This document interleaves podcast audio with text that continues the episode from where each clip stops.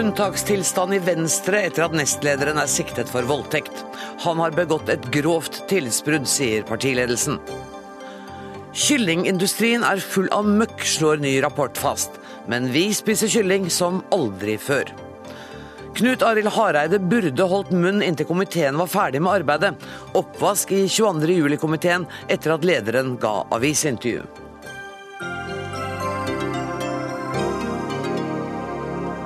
I løpet av sendinga skal vi også høre at lederen av Stortingets utenrikskomité mener at Norge må kalle hjem ambassadøren til Syria. Men først skal vi til voldtektsanmeldelsen mot nestleder i Venstre, Helge Solum Larsen. Lars Nehru Sand, du arbeider i politisk redaksjon her i NRK. Hvordan håndterer Venstre denne saken nå? Det har vært massiv møtevirksomhet og mange samtaler eh, i partiet etter at dette ble kjent eh, for offentligheten i går kveld. Nå i kveld er det to eh, sentrale møter i Venstre her i Oslo på Venstres hus. Det ene er ungdomsorganisasjonen, hvor mange medlemmer vil samle seg i, i Oslo nå om en halvtime. Det andre er et landsstyremøte hvor altså alle fylkesledere og sentralstyret i Venstre deltar i, møte, telefonmøte med partiledelsen senere i kveld. Nå har jo partiledelsen fått ros for at de har opptrådt uh, veldig ordentlig i uh, denne saken. Men så kommer det et oppslag i VG om at man har visst om ting tidligere. Hva vet du om det? Det vi har fått brakt på det rene nå i ettermiddag, er at det altså ble ringt inn en, eh, eller tatt kontakt med generalsekretæren i partiet.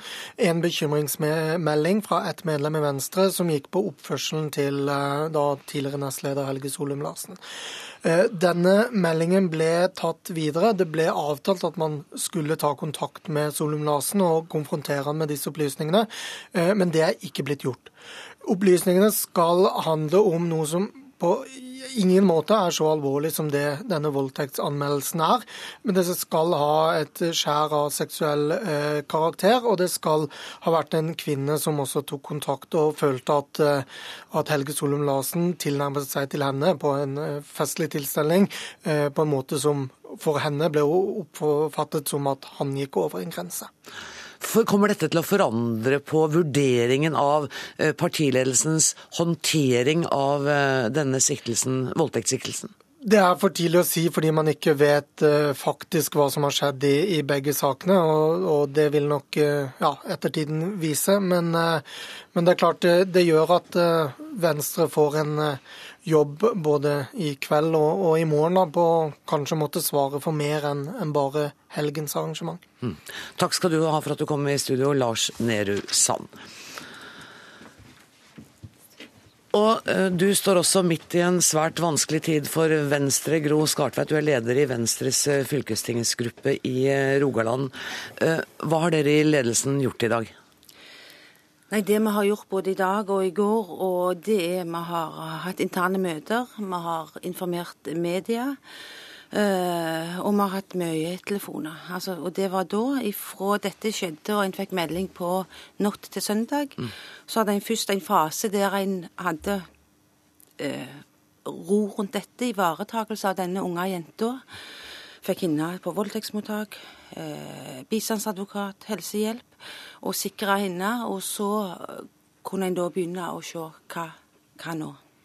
Var dere noen gang i tvil om dere skulle gå ut så tydelig offentlig som dere gjorde med en pressekonferanse? Nei, det var vi ikke. På grunn av at det som her har skjedd, er Altså, denne saka er todelt.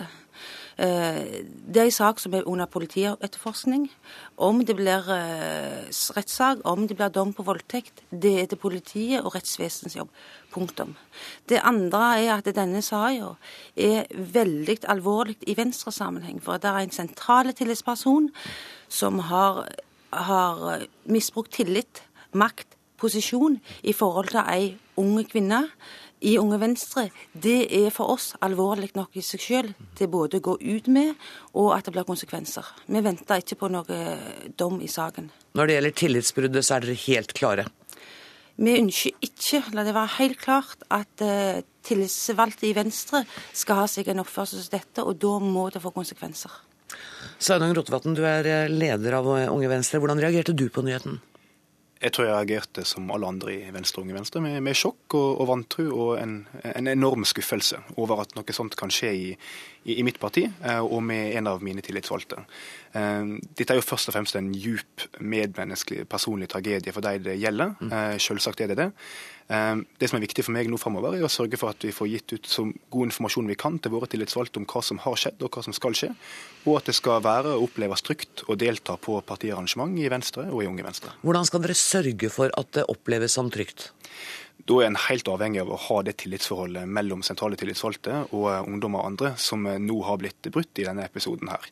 Jeg tror ikke det går an å å vedta seg fram til en god partikultur. Det er noe en må jobbe med hver eneste dag. Eh, og det er klart Nå får vi en stor utfordring med å bygge opp igjen tilliten eh, som denne enkeltpersonen dessverre har brutt ned. Uh, det, det har kommet opp opplysninger om at ledelsen har blitt varslet om uh, grenseoverskridende oppførsel fra vedkommende tidligere, uten at dere har gjort noe med det. Hvorfor ikke det? Jeg kan ikke svare noe på i forhold til ledelsen. Dette var noe jeg fikk høre nå helt klinkende klart ifra, oss som nå har fått melding i helga. Jeg tenker at den handlingene som er vist nå, på alle nivå, Stavanger bystyre, fylket og sentralt med Trine Skei Grande, viser at når en får en slik melding som dette, så handler en. Dette er alvorlig. Mm. Hvordan reagerte du, kan jeg spørre om det? Altså, hvordan Fryktelig trist. Det er fryktelig trist. Dette er uh, og, og ikke tvil om at det her skal være konsekvenser. Men det vi gjerne er vant med å se i en del organisasjoner, er jo det at det til, til nærmere folk står som det anklaga, til, til mindre reaksjoner kan de få. Jeg har vært helt tydelig på at konsekvensene må være klare. Men smerten med en som har stått deg ned, som er utrolig politisk dyktige, har samarbeidet godt med og hadde tenkt å gjøre det videre, med å da gå ut og si at eh, jeg mener, og vi mener, at du må trekke fra alle verv. Og at en har gjort noe som er så alvorlig. Klart her er det smerte. Og, og, og det skal en ikke underslå engang. Og, og det mener du altså, eller dere i ledelsen, at uansett hva utfallet måtte være av politietterforskningen, mm. så har han gjort noe som gjør at han ikke er aktuell i framtidig venstrearbeid. Er det det du sier? Vedkommende har erkjent å ha hatt sex med denne unge jenta. Det er uakseptabelt og grovt tillitsbrudd. Og du nikker, eh, Rotevatn? Ja, nei, det, det, er klart dette skal ikke skje. Jeg tror ingen ser for seg at det kunne skjedd, men nå har det skjedd. Og, og det jeg i alle fall er glad for oppi det hele, da, er at jeg opplever at dere i Rogaland Venstre handler, handler riktig. At fokuset der det skal være, nemlig på å passe på denne jenta, gitt hun all mulig medisinsk, juridisk og medmenneskelig støtte. Eh, og Prosessen videre blir opp til, til domstolene og påtalemyndighet, men vi skal i alle fall sørge for det interne og åpenhet. Sørge for at alle føler seg trygge, og at hun blir fulgt opp på best mulig måte. Skal det. Og det er jo ikke tvil om at eh, det er denne jenta som har opplevd krenkelse. Uh, og, og, og, skal støttes og få gå, at vi går veien videre. Vedkommende som er anmeldt, skal òg få støtte, men han skal ta ansvar. Denne jenta har ingenting å ta ansvar for. Og så har det vært eh, snakket eh, en del i dag om eh, alkoholbruken på denne type partisamlinger. Hva tenker du om det?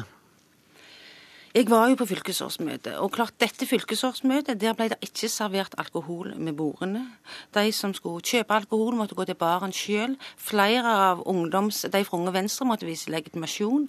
Etter som jeg har forstått, hotellet har gjort alt rett. Det vi aldri kan garantere, uansett om vi har hatt et tema, om vi kommer til å ha et tema, det er hva skjer på rommet. For vi har ikke slik gjennomlysningsmaskin som viser væsker, altså. Der går grensa. Og så er det en ting til, at en del av oss så halvgamle, vi legger oss når klokka nærmer seg midnatt. Hvis ungdommene hadde lagt seg klokka 11-12, så, så tenkte jeg at det, det, det er et sunnhetstegn. Men vi kan ikke, altså Det er òg normalt at de er videre oppe, men vi kan ikke vi kan ikke kontrollere alt, men vi er veldig avhengige av at det som skjedde i helga, var at det var to unge venstrejenter som gikk til lederen i bystyregruppa i Stavanger midt på natta mm. når noe skjedde. Og den tilliten må vi bygge opp. Når noen svikter, så, så det at en har tillit Ja. Rotevatn, det er vel så vidt jeg vet bare tre av ungdomsorganisasjonene, de politiske ungdomsorganisasjonene som har forbud mot alkohol på uh, sine samlinger. Uh, og dere er ikke et av dem? Nå var ikke dette et Unge Venstre-arrangement, men hos oss Nei, men generelt. Ja. Nei, hos oss så har vi vanligvis alkoholforbud, men ikke alltid. Det kommer litt an på typen arrangement. Det vi er krystallklare på, er at uh, alkoholskjenking av mindreårige er uh, helt uakseptabelt, også i dette tilfellet. Og det, det, Jeg tror vi som jobber med dette, her skal være veldig klar over at det er utfordrende å, å, samle et så stort spenn av mennesker fra ung til gammel. Eh, det er klart, Da vil alkohol være en problemstilling. Men jeg tror uavhengig av, av alkohol eller ikke alkohol, så er det her et tillitsbrudd som er helt mm. uakseptabelt, og som eh, den enkeltpersonen må stå til rette for. og Det er det som skal stå i fokus nå. Og Jeg ser jo på sosiale medier også at folk sier at man må ikke gjøre dette til et rent spørsmål om alkohol eller ikke alkohol, for det er større enn som så. Det tror jeg er veldig, veldig viktig. Og det er òg forskjell å, å, å, være litt utidige i fylla. Altså, og der, der nivået og posisjonene er på, er på samme nivå og det å gjøre slike handlinger Men man skal da ikke være i fylla i det hele tatt på et sånt møte? Nei, en skal ikke være i fylla på, en, på et slikt møte. Og det er helt klart at, at voksne folk i Venstre skal ikke være i fylla med ungdommene. på et Det er jo klinkende klart, og det regner jeg med er sagt og blir sagt. Mm. Men det må sies til de voksne, ikke til de unge. Hva tenker dere om, eller du særlig om, hvilke oppgaver dere nå har foran dere for å ja, gjenoppbygge den tilliten som du sier er blitt brutt?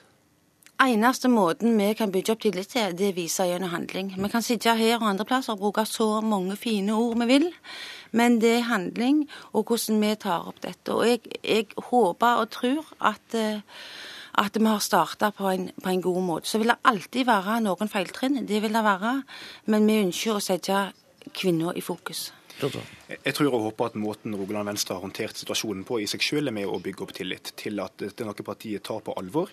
Eh, og så tror jeg også det som er et tegn på at det er en god tillit og en god kultur, er jo nettopp de modige jentene som vågde å gå og varsle dette midt på natta, og ikke minst den modige jenta som vågde å anmelde en så profilert person. Så det, det skal man ha respekt for.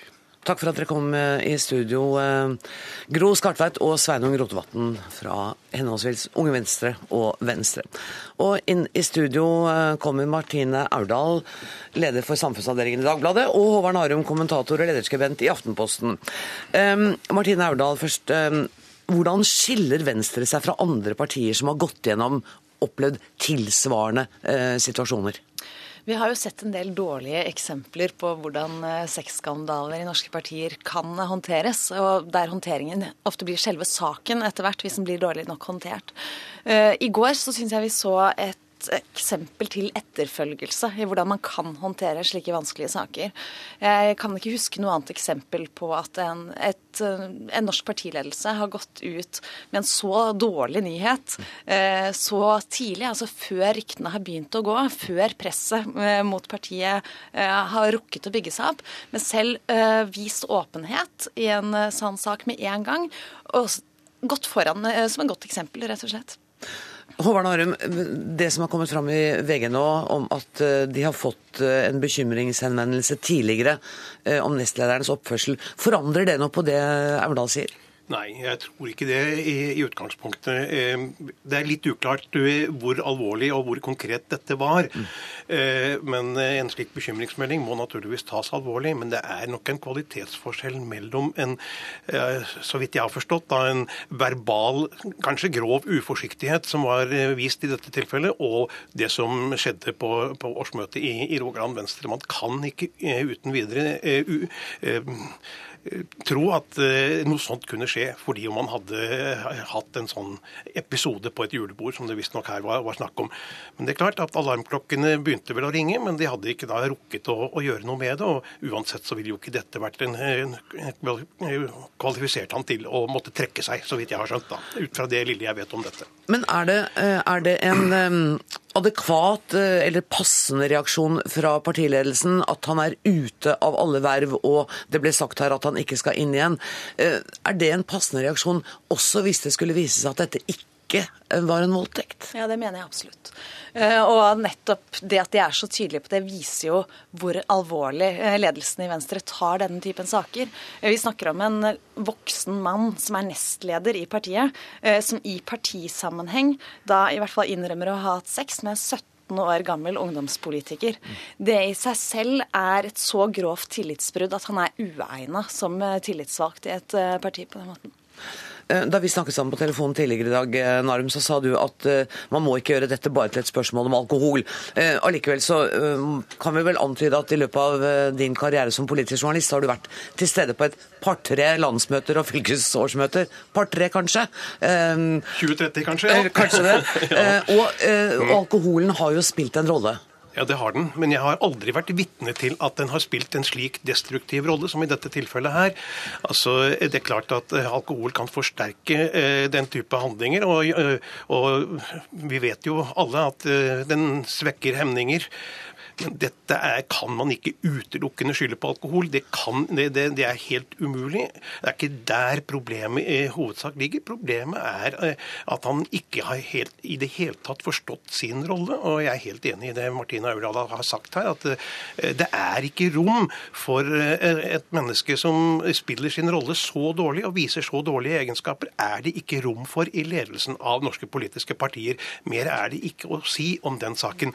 Dette er et klassisk klassisk tilfelle, som vi har sett i mange andre arenaer enn i politikken, at middelaldrende menn da misbruker mm. sin forbildeposisjon til å, å, overgrep mot yngre mennesker. Det er totalt uakseptabelt, med eller uten alkohol. Nina Dalen, du er psykologspesialist, og du holder kurs om etikk og ledelse, og vet mye om hvordan tillitsvalgte og ledere oppleves av andre, og ikke minst hvordan de opplever seg selv. Etter din vurdering, hva er det mest problematiske ved denne saken? Jeg tror det som er sagt, altså det som Martine her sier i forhold til måten Venstre har håndtert det på, og Trine Skei Grande spesielt, hvor hun går ut og så tydelig sier noe om at her er det en ubalanse mellom en tillitsvalgt som er i en maktposisjon, og denne unge jenta. Og, så, og, og går ut og sier at det er helt uakseptabelt, og at man identifiserer den svake parten og sier at sånn kan vi ikke ha det. Og det er vel også noe av det som er øh, den, øh, den, maktposisjonen som han er i, som jeg tenker er øh, For jeg blir like mye opptatt av hvordan man håndterer altså En ting er hvordan man håndterer det, og jeg er helt enig, det har blitt veldig godt håndtert. Men jeg blir like opptatt av hvordan man forebygger det. Ja, Og hvordan skal man gjøre det? Ja. Nei, altså, for at, Hvis du tenker at her er det en, en, en ubalanse i forhold til posisjoner. Altså En er i en maktposisjon. Jeg syns en av de involverte i Birkedal-saken illustrerte dette når han sa han var som en gud. Mm. Og Det sier noe om at den som har makt, den som har makt kan gi goder, frata goder, øh, kan invitere inn i på en arena hvor du kan bli sett, anerkjent, eh, og du har også beskyttelse. Mm. Og Det er klart at det, det, er grunnleggende behov, så den som har makt, har utrolig mye makt. Og jeg tenker at For å forebygge så må alle politiske ledere, partier, øh, tillitsvalgte, helsepersonell, de må drilles i å kjenne igjen når man er i en sånn situasjon, at man har makt. For mm. den kan misbrukes. Og Det ser man jo også gjerne i mindre alvorlige saker, eh, hvor seksuell trakassering blir oppfattet som noe helt annet av den eh, som står i en annen maktposisjon. ikke sant? Ja, ikke mens, sant? Det, mens, det må være mottakeren som da definerer hva som er ubehagelig og ikke. Men, men når man sier at, uh, at, han ble betraktet som en gud, altså ikke, ikke denne mannen, men, men, ja. men, men maktrollen. Ikke sant, maktrollen. Ja. Men hvis man er i den posisjonen, så er man jo også rollemodell uh, for unge mennesker. Og det er man vel da etter midnatt også? Ja. Altså, du, du, er det 365 Nettopp. dager i året, 24 timer i døgnet. Og jeg tenker at noe av det som jeg syns er også litt sånn bra, det er at som helsepersonell, gjør du sånne ting, så mister du autorisasjon. Mm. Det vi ser nå, det er at disse mennene som blir tatt med buksene nede, de mister posisjon. Mm. Og, og, det tenker jeg, det, det sier noe om alvorligheten i det. Eh, Trine Skei Grande har sagt til NRK nå at episoden før jul ikke vil ha hatt innvirkning på denne saken uansett. Og, da, og dermed bekrefter hun vel det som dere sier, at, at, det var en helt annen type og langt mindre alvorlig sak det ble snakket om før jul. Ja, Det virker jo sånn uh, at uh, det, er, det, er, vanskelig I hvert fall ut fra det jeg vet nå, så vil jeg ikke forandre mitt syn på Venstres håndtering Nei. av dette. Med den lille tilføyelse at jeg tror at alle partier vil bli enda mer oppmerksomme på den type bekymringsmeldinger nå etter dette. For det er klart at dette også har vært en bevisstgjøringshistorie. Men det har vi jo trodd før også, dere. Når har, det har vært andre skandaler av denne type i politiske partier. Mm. Og så har i hvert fall noen av oss naive tenkt at nå har de skjønt det. Men Det vi kanskje skal lære av dette, er noe som vi også egentlig burde vite fra før, at det fins brodne kar i alle partier. Mm. Vi har jo hatt en tendens, eh, også vi i mediene, til å kanskje se at Fremskrittspartiet er de som har mest å slite med på dette området. Og gudene skal vite at de har hatt sitt. Men dette er et fenomen som vi finner igjen flere steder. Og det er flere partier, og, det, og du finner de i idretten, og du finner de også på andre arenaer. Nå er vi blitt veldig brutalt igjen minnet om at at eh, det er ikke bare i spesielle miljøer dette, finnes. Det tror jeg er en uh, viktig lærdom. Og eh, jeg tror også at det er en viktig lærdom den måten de har håndtert dette på. Hun har vist åpenhet, hun har vist menneskelig varme. Og, og jenta den... har vist stort mot. Jeg, må, ja. jeg, skal bare over på en litt annen. For at, det er helt sikkert. For jeg tenker at dette er nok ikke av helt ny Det har nok skjedd tidligere òg. Mm. Men det at man da tør og har tillit til at man gjør noe med det, Martin Aurdal? Ja, det jeg syns eh, er egentlig det flotteste med hvordan partiledelsen har håndtert Eh, denne situasjonen på, er jo hvordan de umiddelbart, eh, i det hun sa ordet voldtekt, skjønte at ok, da er vi nødt til å gjøre alt riktig. Mm. Eh, og allerede lokalvalgslederen den natta sørget for at jenta fikk snakke med en lege. At hun fikk beskjed om ikke å dusje. At hun fikk reise til voldtektsmottaket for å sikre spor så fort som mulig. Og at hun hadde et støtteapparat rundt seg som tok vare på henne i en vanskelig situasjon. Og hvor hun også tydelig fra partiet fikk beskjed om at de, er, eh, at de, ville støtte henne også hvis hun valgte å anmelde, og backe henne hele veien. Mm. Hvis alle voldtektsofre var blitt behandlet på den måten umiddelbart, så ville vi sett en helt annen oppklaringsprosent i voldtektssaker her i landet. Mm. Og, helt, og, de har jo også da unngått å gå inn i og tro på om, om, det har skjedd eller ikke, men vist at ok, men er det en slik anklage, så må dette settes inn, og så tas hun på alvor. Nina Dalen, eh, hvis man skal forebygge Det handler jo noe om en kultur også, gjør det ikke det?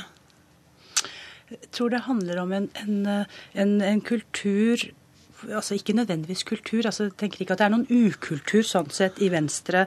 Men jeg tror det handler om en kultur hvor en Eh, identifiserer, identifiserer og snakker om hva betyr det å ha makt. For Det er jo litt som som kommer fra meg. De er veldig gode, og de blir bedre og bedre på å håndtere media når det har skjedd. Mm. Men jeg blir veldig nysgjerrig på hva gjør de for å forebygge at det skal skje? Mm. For at media er ikke der og presser de i forhold til eh, nå må dere forebygge, og nå må dere sørge for å passe på.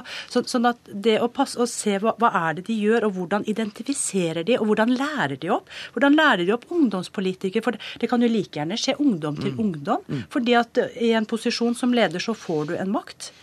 Kanskje har de lært noe av det også, kanskje forandrer det seg med det forebyggende arbeidet. Jeg er nødt til å sette strek der og si tusen takk til dere, Martine Aurdal fra Dagbladet, Håvard Narum fra Aftenposten og Nina Dalen, som er altså spesialist i psykologi. Dagsnytt 18 alle hverdager klokka 18.03 på NRK P2.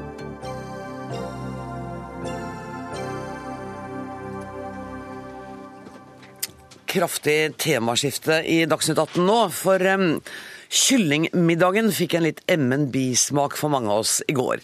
Da la Mattilsynet fram en rapport som avslører at kyllingindustrien bokstavelig talt er full av møkk.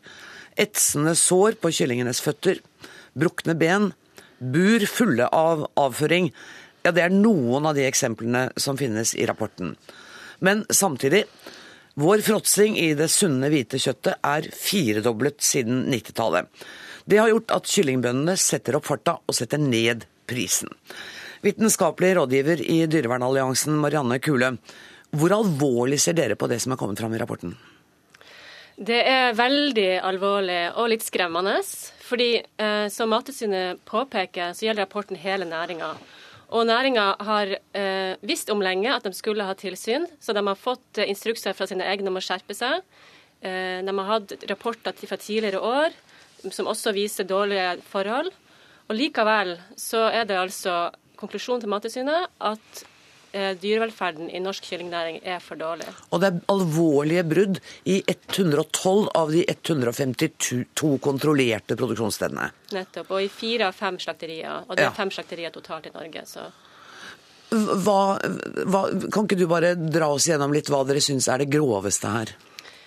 Det er jo at kyllingene opplever jo eh, lidelse og stress at det er uverdige forhold. Det handler ikke om at de trives litt mindre. Det handler om at de, som du sier, får etseskade under føttene fordi at de går i sin egen avføring.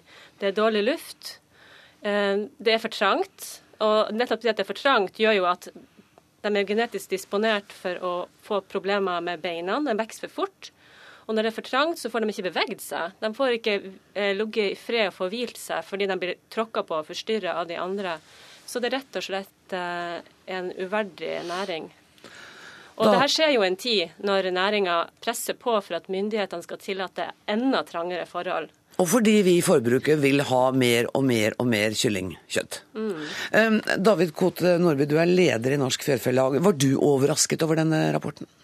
Både òg. Jeg ble veldig skuffa over at det var så mye avvik som ble avdekka.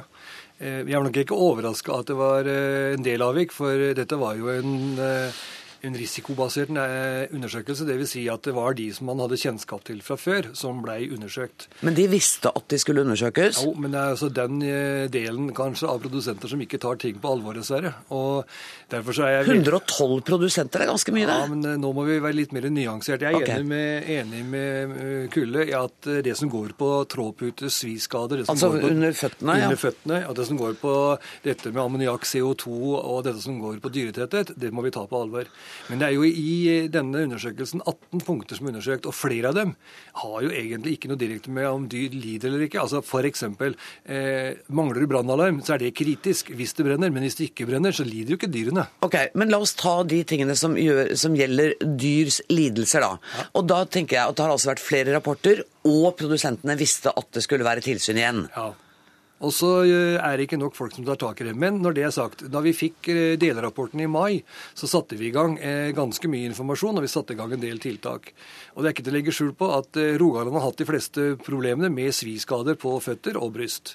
Men du satt her i dette studio i august og sa at øh, velferden for disse dyrene i Norge var god. Det var høner. Det snakka han da.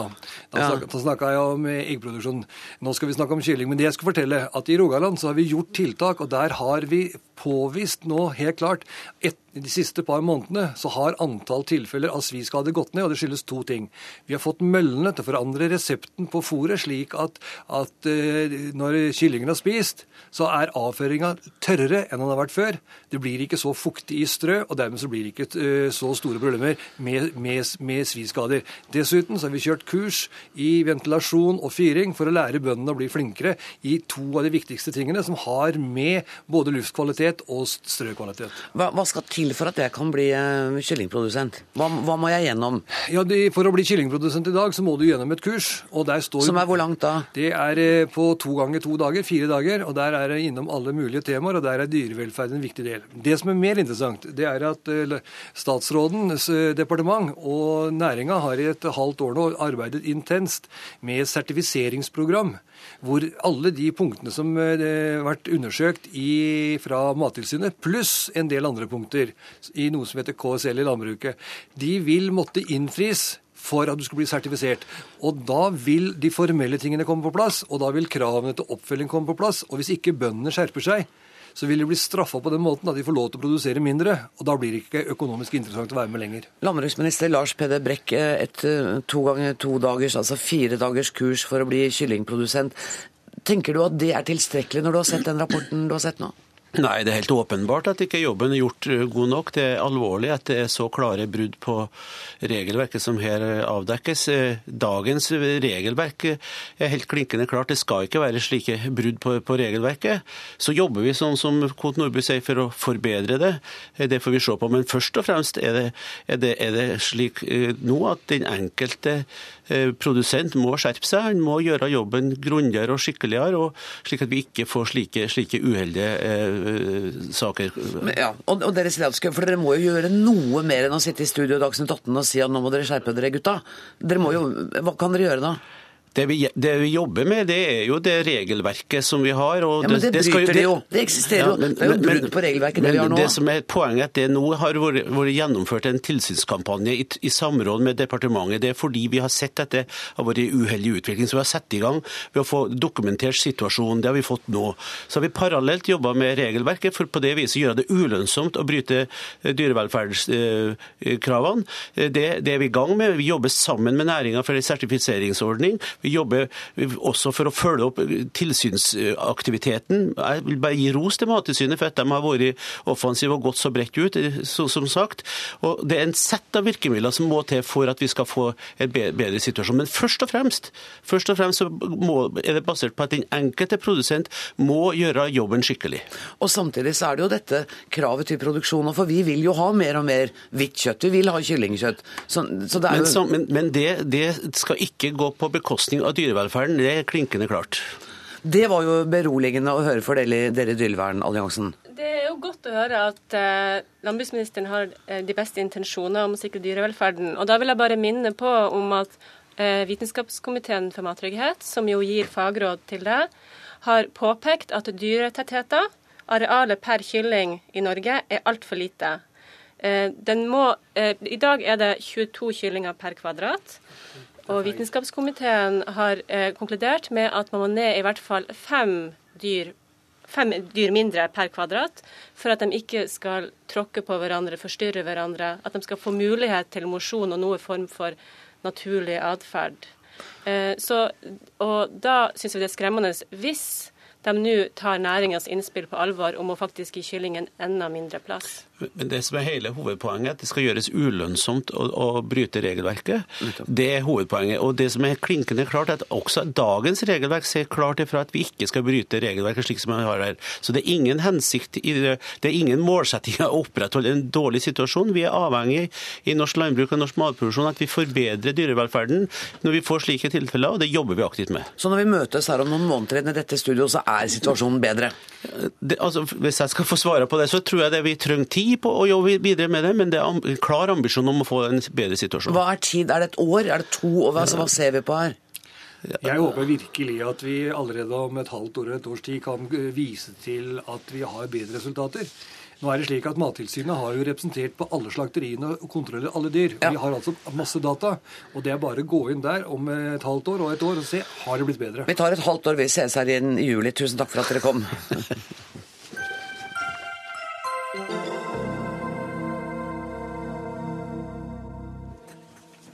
Flere av medlemmene av Stortingets 22. juli-komité reagerer på komitéleder Knut Arild Hareides medieutspill.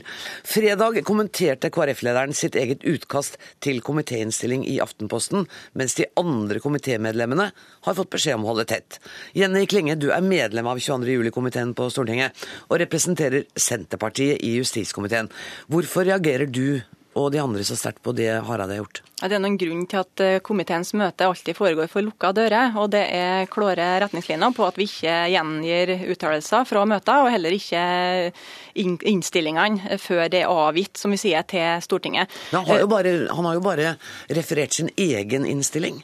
Ja, og det er åpenbart at eh, Knut Arild Hareide og alle andre har eh, mulighet til å, til å fronte egne meninger når det gjelder saken. Men det som jeg reagerte på, det var det at i denne prosessen, der komiteen eh, ser imellom, også vi som sitter i komiteen, oss imellom, uten eh, å tale i media om det, skal komme fram til gode tverrpolitiske løsninger og gode framlegg til hvordan kan bedre beredskapen her til lands eh, etter 22.07, eh, så, så gikk Hareide ut i, i, media med sine framlegg til, til, innstilling. Og det tenker jeg da gjør det kanskje vanskeligere å, å få til felles enighet framover. Men jeg vil også si at det er ikke noe, det er ikke den store saka, den store sammenhengen. Det som er interessant med med det, det er eh, nettopp hvordan er det vi på Stortinget arbeider. Hvordan er det vi best kommer fram til tverrpolitiske løsninger. Og da er ikke måten å gå ut med det i media når prosessen er i gang. Litt overivrig der, Hareide? Ja, ja, kanskje var jeg litt uh, overivrig. For jeg har for så vidt mye sans for det Jenny Klinge her sier. Det som er helt klart, Jeg har ikke gjort noe formelt galt. Altså det, det, er ingen lekkasje å si hva en sjøl mener, hva en sjøl står for, og den sedvanen som er på Stortinget. Men jeg har jo òg vært veldig tydelig på jeg ønsker å i dette arbeidet få en mest mulig samla komité. Det tror jeg er positivt. Og da syns jeg det er verdt å lytte på komitémedlemmer som Jenny Klinge, som sier at det å få presentert store saker, standpunkt i media, da får du ikke så god tid å tenke deg på. Eh, så det å legge opp til en god, arbeids, eh, god arbeidsmetodikk i komiteen, og det er jo mitt ansvar som eh, komitéleder. Så jeg har ikke gjort noe formelt galt, men jeg ser det i ettertid at jeg la ikke opp til en god arbeidsmetodikk, og det var ikke så klokt. Vi i Dagsnytt 18 er glad for å kunne bidra til selvkritikk og bedre klima mellom dere. Er du fornøyd nå? Ja da, Knut Arild Hareide det har jeg for så vidt stor sans for i alle sammenhenger. Så Det som jeg har lyst til å kanskje framheve, det er det at det som er fint med prosessen på Stortinget og i komiteene når vi ikke går ut i media underveis, det er noe det at vi ikke knytter prestisje til hvem som fremmer forslagene. Uh, underveis så er det fullt mulig hvis vi i Senterpartiet kommer med et fornuftig forslag, for Frp også å slutte seg til det, og omvendt. Uh, og så til slutt så sporer en ikke hvem som kommer med forslaget, men det viser enigheten. Og Det er nettopp derfor det er så viktig at vi ikke underveis går ut og forteller hva vi mener, fordi at det kan stå i veien for uh, gode felles løsninger. Jeg tror Knut Arild Hareide opplever at det er gnidd skikkelig inn nå, det poenget der, og at han ikke gjør dette igjen. Men, men kan ikke jeg bare få Jeg, jeg begynte å lese et par av paragrafene i eh, Stortingets forretningsorden. Og det er jo ikke så lett å være dere heller. ikke sant? For paragraf 17 og paragraf 20 sier at det skal altså være taushetsplikt. Man skal ikke uh, fortelle om innstillingen før den er ferdig. Møtene skal holdes for lukkede dører. Men så står det dette kan være vanskelig balansegang for representantene. Den offentlige debatten foregår samtidig som at Stortinget behandler sammen sak, og hver enkelt er selvsagt i sin fulle rett, for ikke å si plikt, til å gjøre sitt standpunkt kjent gjennom å si hva man mener. Og det er, jo, det er, jo, den debatten som òg jeg må avveie. Vi har jo sagt mer åpenhet, mer demokrati, har vi sagt eh, i etterkant av 22.07. Og det var grunnen til at jeg valgte å gå ut måte før vi begynner arbeidet nå i Stortinget. For hvis jeg hadde gått ut om to uker, da blir det mye mer vanskelig. For da vet jeg hvordan Senterpartiet tenker, hvordan Arbeiderpartiet tenker. Og det er helt uhørt under en behandling og si hvordan partiene tenker. Jeg kan selvfølgelig si hvordan KrF tenker, hvordan jeg tenker. Det gjorde jeg nå i forkant. Om to uker så ville det vært mye mer vanskelig. Og det var derfor jeg Og jeg syns òg det er viktig i dette arbeidet her å få fram hva er 22. juli-komiteen på Stortinget, og hva er kommisjonen. Jeg møter jo så mange som ikke forstår det, og det er òg, mener jeg, en plikt å formidle det. Det var min tanke. Men hvis det bidro til et dårligere samarbeidsklima, så var ikke det verdt den prisen. Og dette vil vel uansett ikke, eller vil det ødelegge komiteens arbeid? Det dere skal se på er altså bedrede rutiner og sikkerhet i framtida.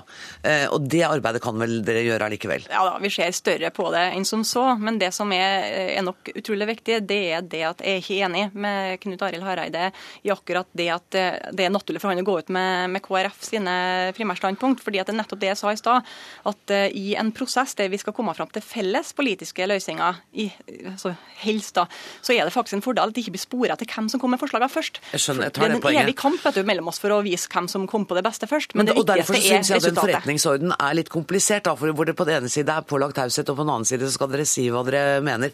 Um, ja. ja, men det er en del av det politiske. Og av og til så har til å legge vekt på hvilke partier som har fremma ting. Det er en del av det politiske spillet, og det må, være, det må det være lov til. Og det åpner for forretningsorden til. Det som er tydelig, det er at innstillingen i denne saken her, den, er jo, den finnes ikke i dag. Den vil ikke være på plass eh, før det går mot slutten av eh, dette arbeidet. Og nettopp i den type prosesser så er det tydelige spilleregler på Stortinget eh, om at det å gå ut med hva andre parti tenker og mener underveis, det er galt. Og jeg opplever at samarbeidsklimaet har vært krevende i den saken, men det er ikke noe formelt som er gjort galt. Jeg tror jeg setter strek der. Og når er det vi kan vente å få innstillingen offentliggjort? Det er i slutten av denne måneden. Du kan ikke si en spesiell dato? Jeg har sett 29. februar nevnt, nemlig. Ja, det er den som er antyda, men det kan òg være det blir 1. mars. Ok. Tusen takk for at dere kom, Knut Arild Hareide og Jenny Klinge.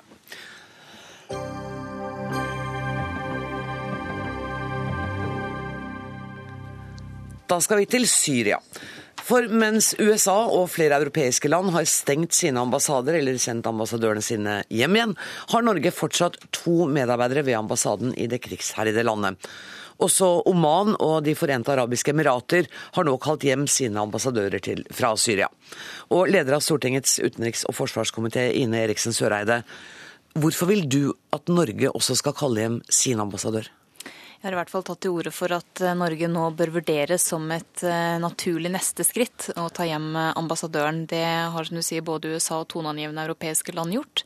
Og jeg mener det er viktig å vurdere nettopp fordi at det ville være et veldig sterkt politisk signal. Det er noe av det sterkeste diplomatiske signalet man kan bruke. Og nettopp fordi at vi er avhengig av å spille på lag også med våre nærmeste allierte for å prøve å få til en løsning på konflikten, så mener jeg det er et av virkemidlene Norge nå bør vurdere. Men er ikke det et virkemiddel som vil være mer indremedisinsk i Norge enn det vil ha noen avskrekkende effekt på syriske myndigheter? Det er jo ikke ment å ha avskrekkende effekt på myndighetene, men det er ment å sende et veldig klart politisk signal om at Norge, i likhet med andre land, ikke aksepterer den situasjonen sivilbefolkningen er under nå, hvor de slaktes ned av et brutalt regime. Og det ser ikke ut til å endre seg, snarere tvert imot så har jo både drapene og, og volden økt den senere tid. Og det er jo også begrunnelsen for at de andre landene har kalt hjem, eller er i ferd med å kalle hjem sine ambassadører. Du er med på telefon, eh, statssekretær i Utenriksdepartementet Torgeir Larsen. Hva tenker du om forslaget fra Eriksen Søreide? Først vil jeg si at uh, vi fra norsk side vi fordømmer uh, det brutale som vi nå er vitne til i, i Syria. Altså Det er helt uakseptabelt, fullstendig uakseptabelt, den fortsatte beskytningen av Homs vi ser, og den hensynsløse og vilkårlige voldsutøvelsen mot sivile. Eh, når det gjelder eh, ambassaden vår, eh, så har vi lagt vekt på å holde den oppe. Vi vurderer fortløpende situasjonen, ikke minst når det gjelder sikkerhetssituasjonen for våre ansatte.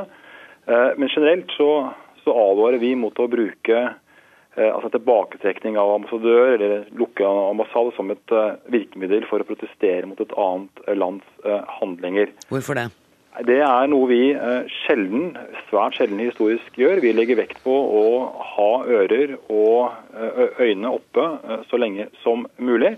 Vi gjør dette i Syria i samråd med de andre nordiske landene. Ingen av de kaller hjem sine ambassadører. Det er også for oss et, helt praktisk forhold. og det er det at Våre ambassader er såpass små at skulle vi kalle hjem vår ambassadør, så vil det i praksis bety å stenge ambassaden. Det er det ingen av de andre som gjør, heller ikke, eh, heller ikke eh, de europeiske. Eh, når det gjelder USA, så er faktisk forholdet det at de stenger av sikkerhetsmessige årsaker, ikke av politiske. Det betyr at Syrias ambassadør i Washington fortsatt er der og er ikke utvist.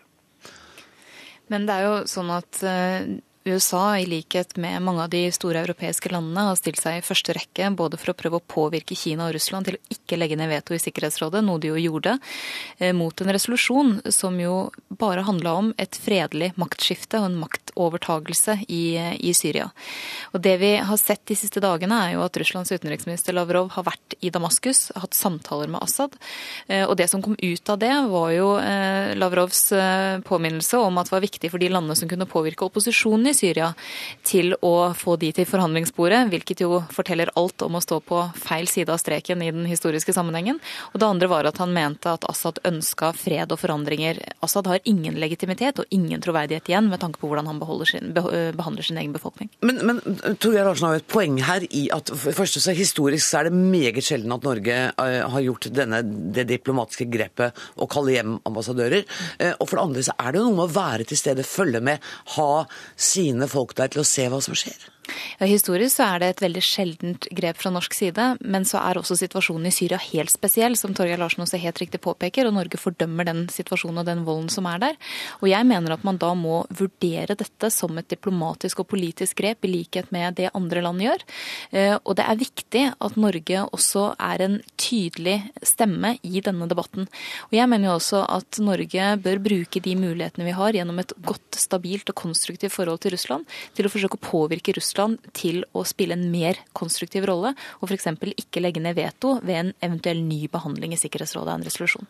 Er det en, en, kurs dere kunne tenkt dere, Larsen, å prøve å påvirke Russland til å slutte med den vetostemmingen sin i Sikkerhetsrådet?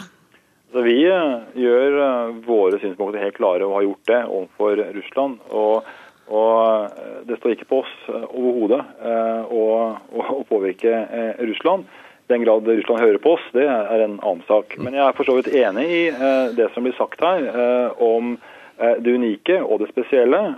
Vi vurderer selvfølgelig vår ambassades drift hele tiden, ikke minst ut fra sikkerhetsforholdene. Men det er altså ett forhold som er spesielt for oss. Og det er det at Vår ambassade, i likhet med de andre nordiske, er så tynt bemanna mm. at skulle vi trekke ut ambassadøren, så, så ville det vært stengt. Det, jeg skjønte det.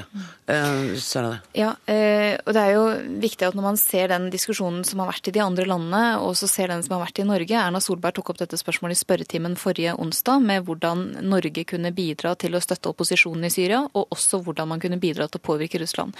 Så er det viktig at Norge er en tydelig stemme, bruker de diplomatiske og politiske virkemidlene vi har, og derfor mener jeg at det å, å kalle hjem vår ambassadør er et av de virkemidlene vi fortløpende må vurdere. Torgeir Larsen, du sier at dere vil vurdere alle forslag, også dette. Men eh, det er ingenting som tyder på at dere kommer til å følge det forslaget fra Ine Eriksen Søreide? Foreløpig eh, mener vi at eh, det er en fordel at vi har i stand til å være i Syria og se, være til stede, også som kontaktpart mot alle grupperinger vi er i kontakt med, deriblant også opposisjonskrefter. Det vil vi ikke være hvis vi trekker ut vår ambassadør. Nå må jeg også si bare for å presisere at eh, vi har rent faktuelt et, et skifte. Eh, det er vår ambassadør eh, pga. familiære årsaker forlater Syria om noen få dager, men vil da bli erstattet av en og Det betyr ikke at vi trekker tilbake vår, vår ambassadør, men rent fysisk så vil vi ha en chargé der fra om noen få dager. Tusen takk for at dere kom i studio, Ine Eriksen Søreide og Torgeir Larsen, statssekretær i Utenriksdepartementet.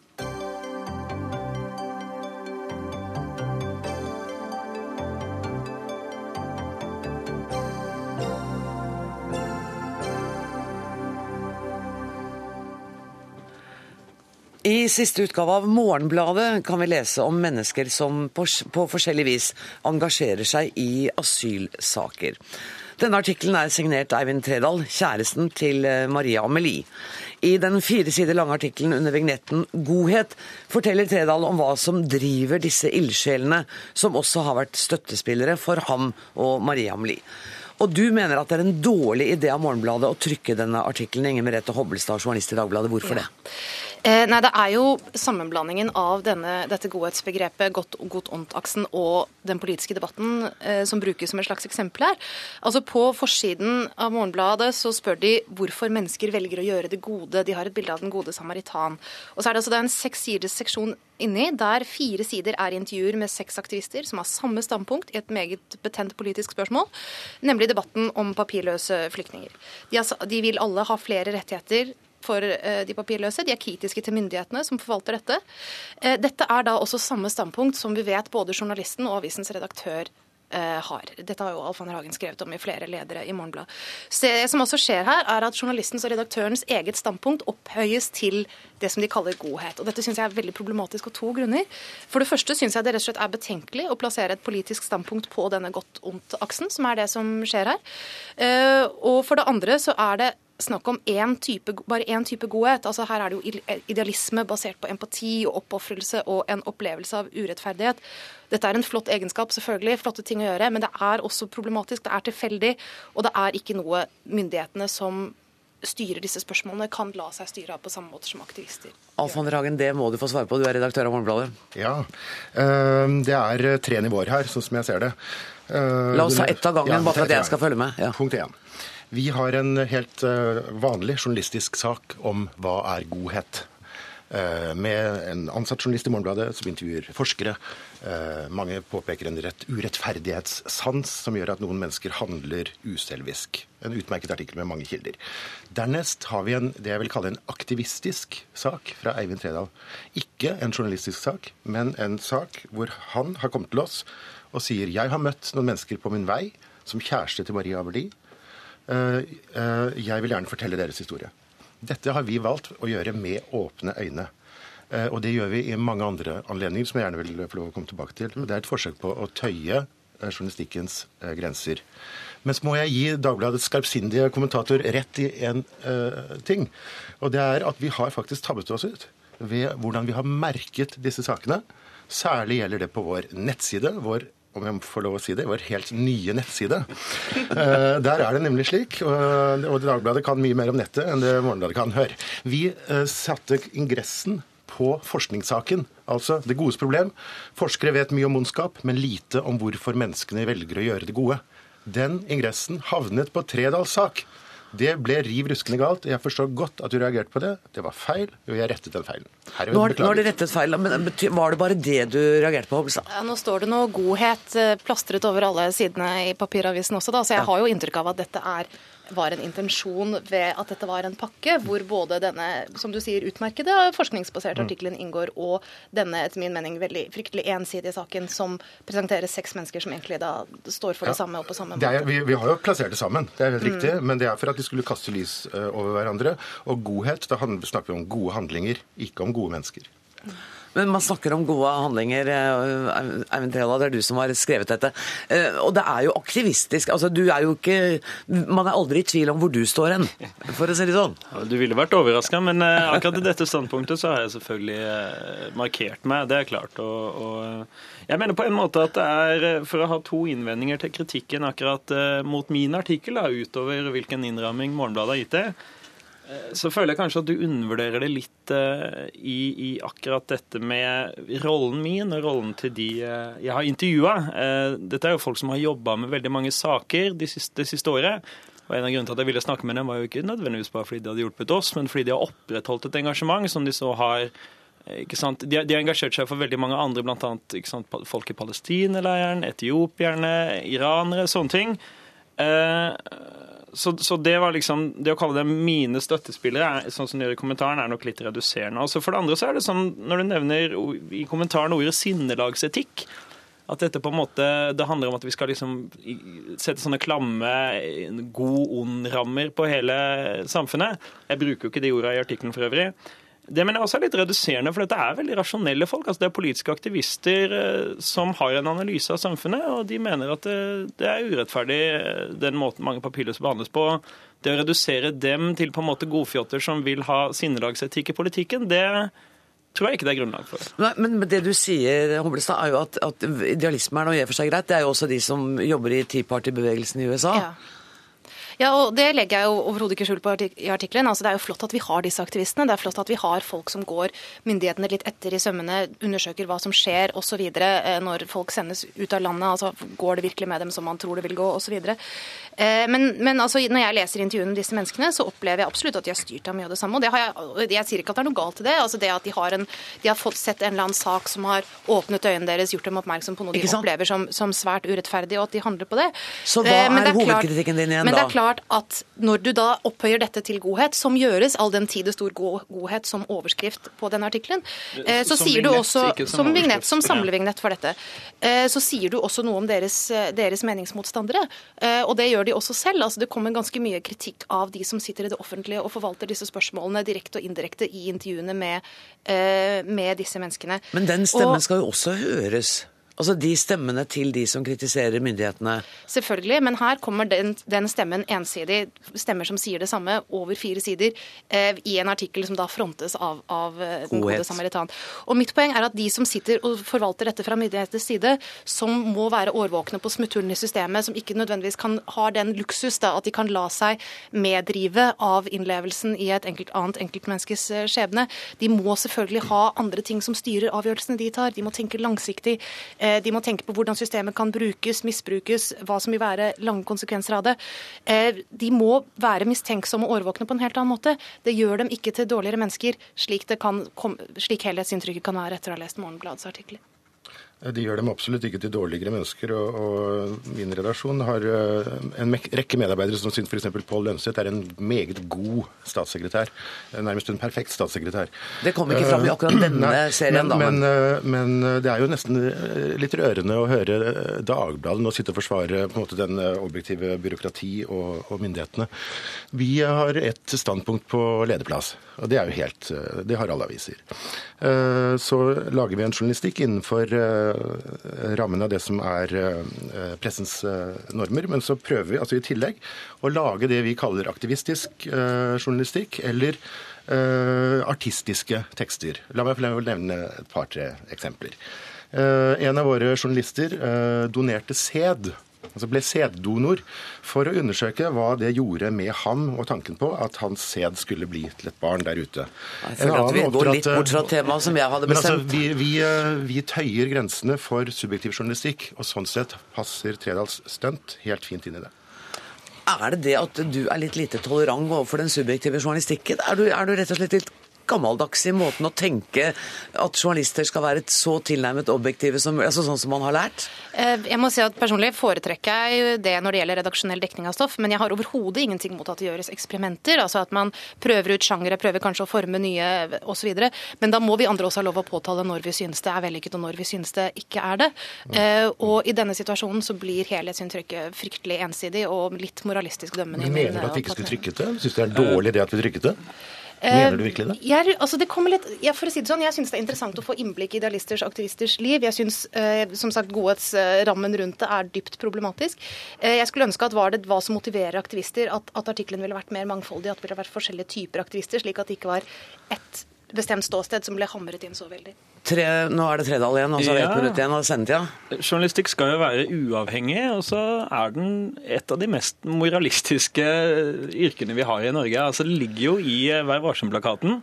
Faktisk, eh, En av de første prinsippene er at man skal ta de svake standpunkt mot makta, mot maktmisbruk. Så eh, med det i mente så tenker jeg også at det motsatte av å prøve å være en uavhengig journalist som, som avdekker ting, er å være en nøytral journalist og hele tida være livredd for å bli satt i bås av andre og, og, og bli anklaga for å være partisk på en eller annen måte. Så jeg synes det egentlig er Jeg er mye gladere i, i journalistikk som vil noe, enn journalistikk som prøver å være nøytral. Og der fikk du siste ordet. Tusen takk til Inger Merete Hobbelstad, Alfander Hagen og Eivind Tredal. Denne sendinga nærmer seg brått slutten. Ansvarlig i dag har vært Karoline Rugeldal. Det tekniske ansvaret har Arnt Egil Nordlien. Og jeg heter Anne Gråsvold og er på plass igjen i morgen klokka 18.03. Takk for nå.